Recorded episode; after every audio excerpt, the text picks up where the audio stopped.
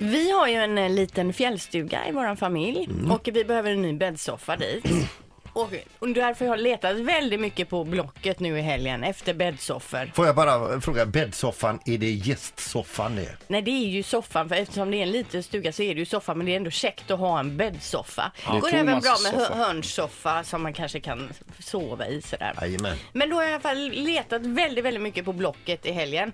Och det som slår mig det är att 80% av alla soffor som är ute på annons, i annonserna står det inte måtten på sofforna. Nej. Det måste väl ändå vara det viktigaste när man köper en soffa, det är att veta vad det är för mått, om den överhuvudtaget går in i lägenheten. Och man vet ju själv när man köper en soffa i en butik att det är ett jädra jobb innan man hittar den perfekta soffan för att den ska passa in mellan fönstret och lampan och, och hit och Nu dit. när du säger det, jag la ut en eh, soffa för många år sedan. Jag skrev aldrig några mått på den. Nej, vad är det för idioter som gör det? Det är Här den igen. frågan jag, jag ställer idag.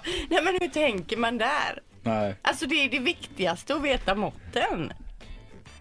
Sen en annan grej jag reagerar på också när man tar en bild och lägger upp på Blocket och, inte ens, och ska sälja en soffa och inte ens lyckas få med hela soffan eh, på bilden. Nej. Hur tänker man då? Tänker man inte att den som vill liksom, titta på soffan och köpa den kanske vill se hur hela soffan ser Men ut? det är som en teaser, vet du. Kom hit får du se resten så kan vi eh, förhandla. Ja, eller hur?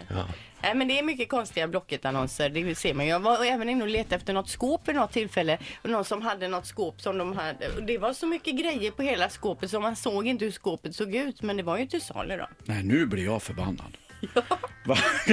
Jag tycker ni hänger inte alls med mig på det här här. Jo, men jag har inte Det här är riktigt ju ett reflekterat. problem. Jag hör, det är klart man blir förbannad. Jo men alltså vi hör ju att det är problem men det, det, det jag, jag fick inte upp intresset Nej, men jag för det tänker bara. ändå när och du jag är sitter där. jätteledsen för det Linda. Ja, ja, alltså. Ja, men som ett tips då ska man sälja en soffa. Skriv gärna med måtten.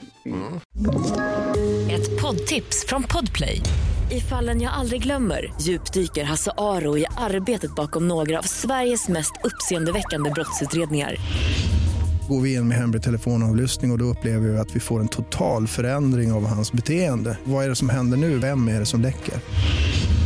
Och så säger han att jag är kriminell, jag har varit kriminell i hela mitt liv men att mörda ett barn, där går min gräns.